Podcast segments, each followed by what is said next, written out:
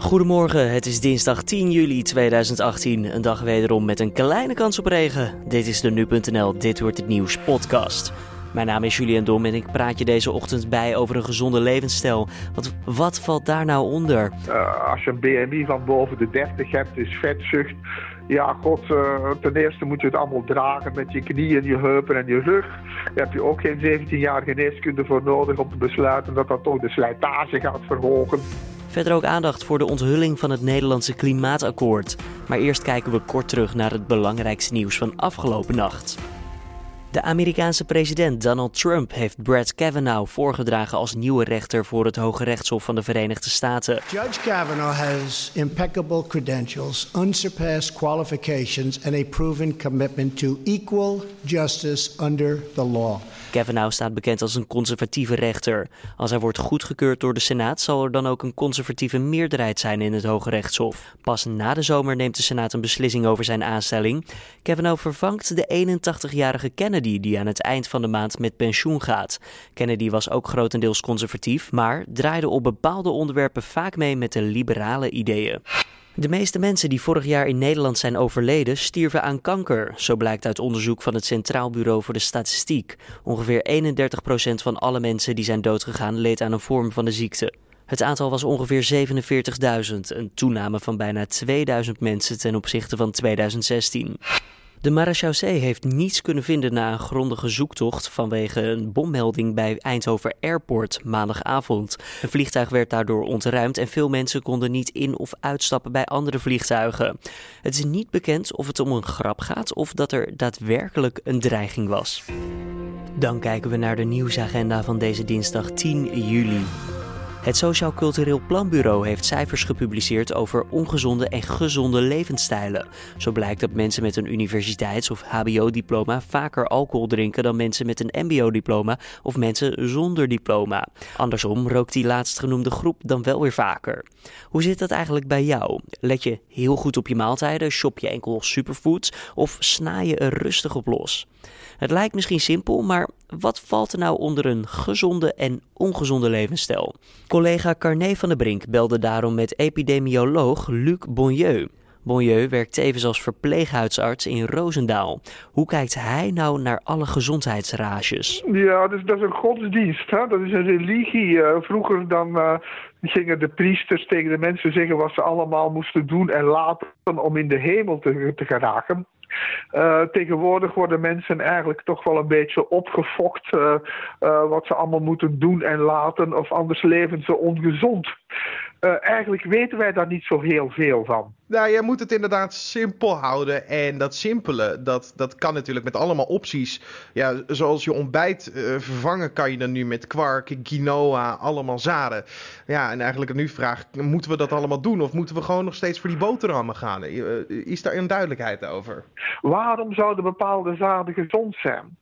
Als je kijkt naar het verleden, dan zie je dat we er uiteindelijk. Er is één iets dat we hebben gevonden en dat dan ook is getriald, dat er met kop en schouder bovenuit steekt, dat verrassend was. Dat was fluor in, uh, fluor in, in, in, het dieet, vooral bij tandpasta voor gezonde tanden. Uh, dat, was, uh, dat was een beetje miraculeus. Ja.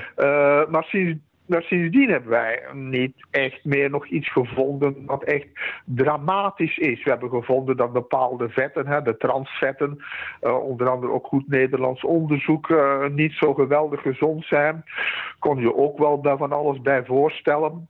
Maar, maar verder Kijk, eten dat zijn gewoon een aantal chemicaliën die wij nodig hebben om te overleven. En omdat wij van aard eigenlijk een, aap zijn die zich hebben aangepast aan vlees eten, uh, is dat een, een heel divers dieet. We komen eigenlijk uit het oerwoud. Wij, uh, uh, wij zijn eigenlijk gevoelig voor voedingstekorten. Wij kunnen niet gelijk een panda trekken met alleen maar bamboe. Nee, wij zijn een, een aap en we zijn gewend aan veel soorten fruit en groenten. En daarbij ook vlees, want dat, dat heeft waarschijnlijk toch ons grote verstand uitgemaakt.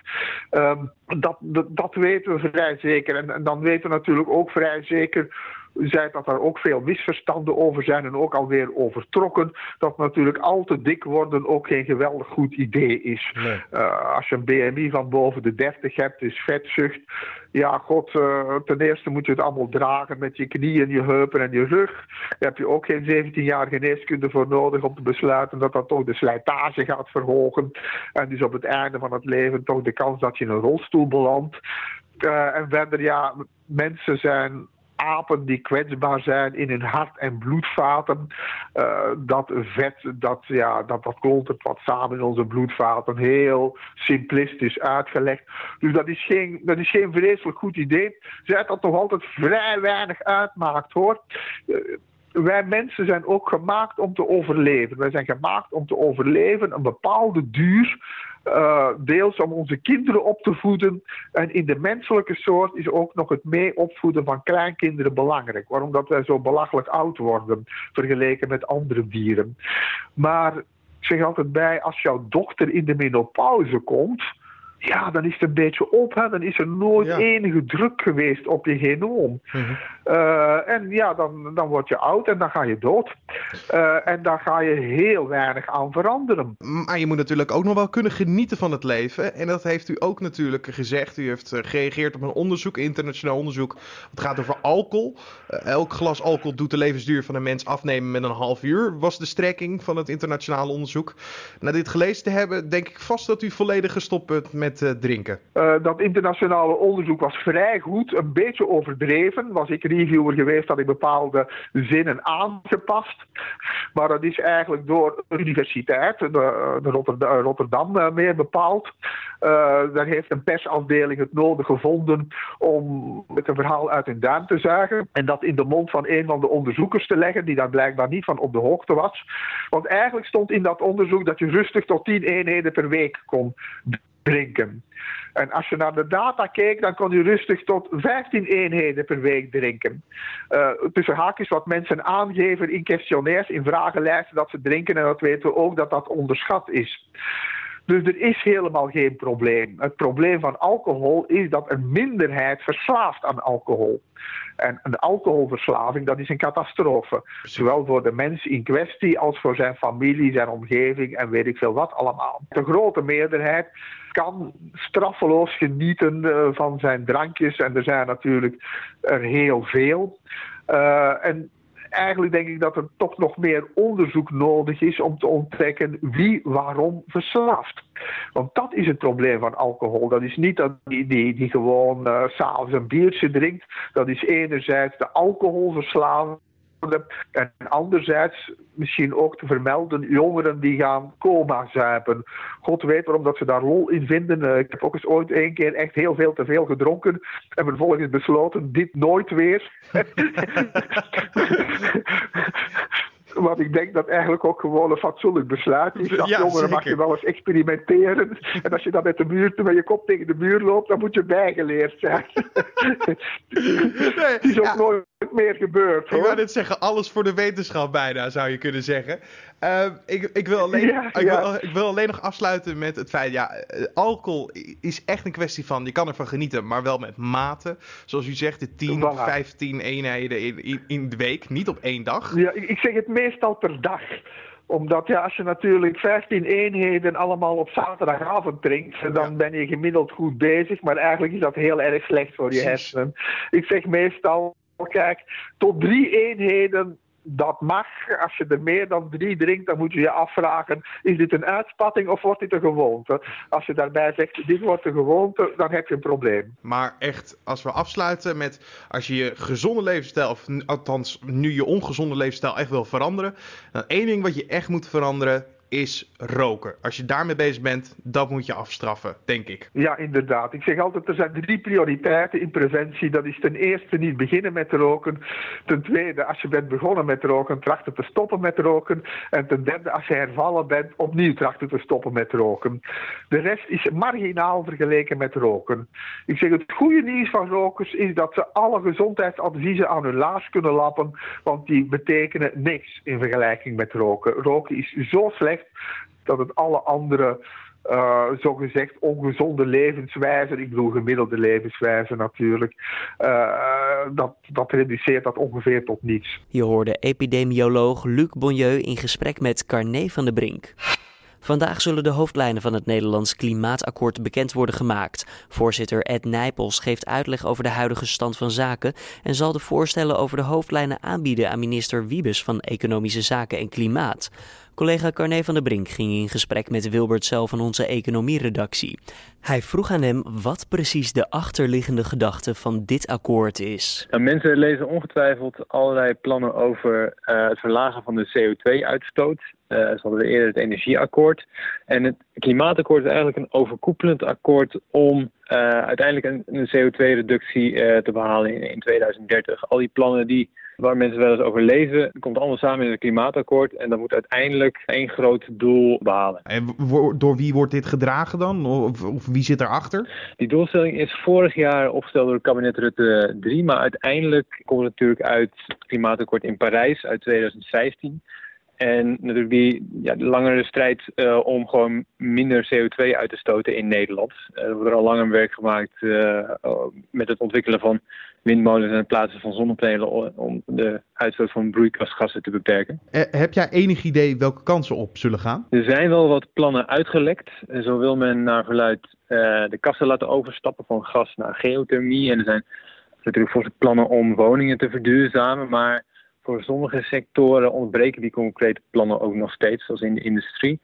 Uh, waarschijnlijk worden er vandaag uh, een beetje vage plannen onthuld. En dan kunnen we de komende maanden eigenlijk kijken ja, hoe uh, die ingevuld worden. Want dat is namelijk het gevaar. Hè? Als er nu veel wordt aangekondigd, dat er dan nog misschien veel veranderd moet worden aan het eind van het jaar, inderdaad. Ja, nee, dit, dit proces is nog helemaal niet ten einde. Er worden dan nu wat plannen aangekondigd, maar op hoofdlijnen natuurlijk, maar uiteindelijk uh, is het nog een uh, proces dat het hele jaar doorgaat. En aan het einde van het jaar moeten er echt concrete plannen liggen van hoe wij als Nederland die CO2-uitstoot willen verlagen. Ja, en als je kijkt naar een uh, Parijsakkoord, als het gaat om klimaat, iedereen kent het Parijsakkoord, en dan hm. dit klimaatakkoord van Nederlandse bodem, zijn wij dan zeer progressief bezig of moeten we dit met een korreltje zout nemen?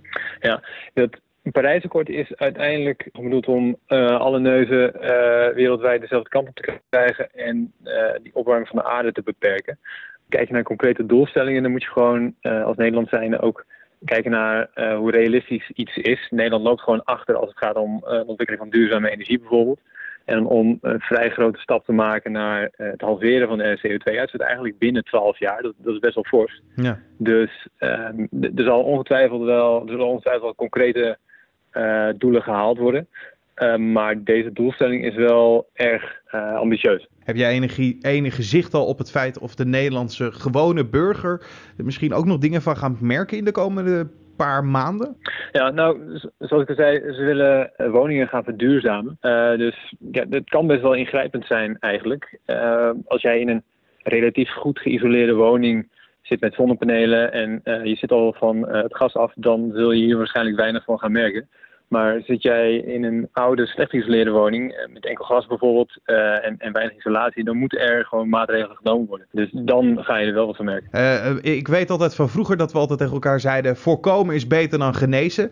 Misschien moet je ook wel op, op dit akkoord voorbereiden. Moeten we nu massaal met z'n allen zonnepanelen inslaan of elektrische keukentoestellen aanschaffen? Nou is het sowieso slim om te kijken naar energiebesparing. Hè? Een deel van de maatregelen die uh, er straks genomen moeten worden, die, die kunnen mensen nu inderdaad ook al zelf nemen. En die, betalen zich soms ook wel uh, uit.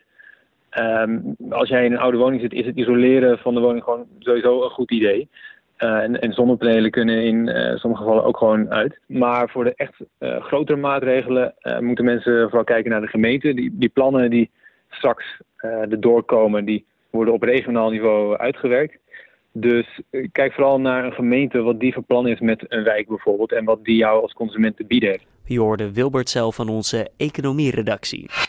Na de ploegentijdrit van maandag is het woord dinsdag waarschijnlijk weer aan de sprinters. In de vierde etappe van 195 kilometer tussen La Balle en Sargeau hoeft slechts een klim van de vierde categorie bedwongen te worden. De finish ligt aan het einde van een kaarsrechte weg van 4 kilometer, waar Dylan Groenewegen zijn eerste slag hoopt te slaan.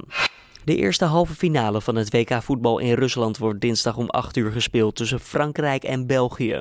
De Belgen stonden één keer eerder in de halve finale. Dat was in 1986. Toen werd van Argentinië verloren.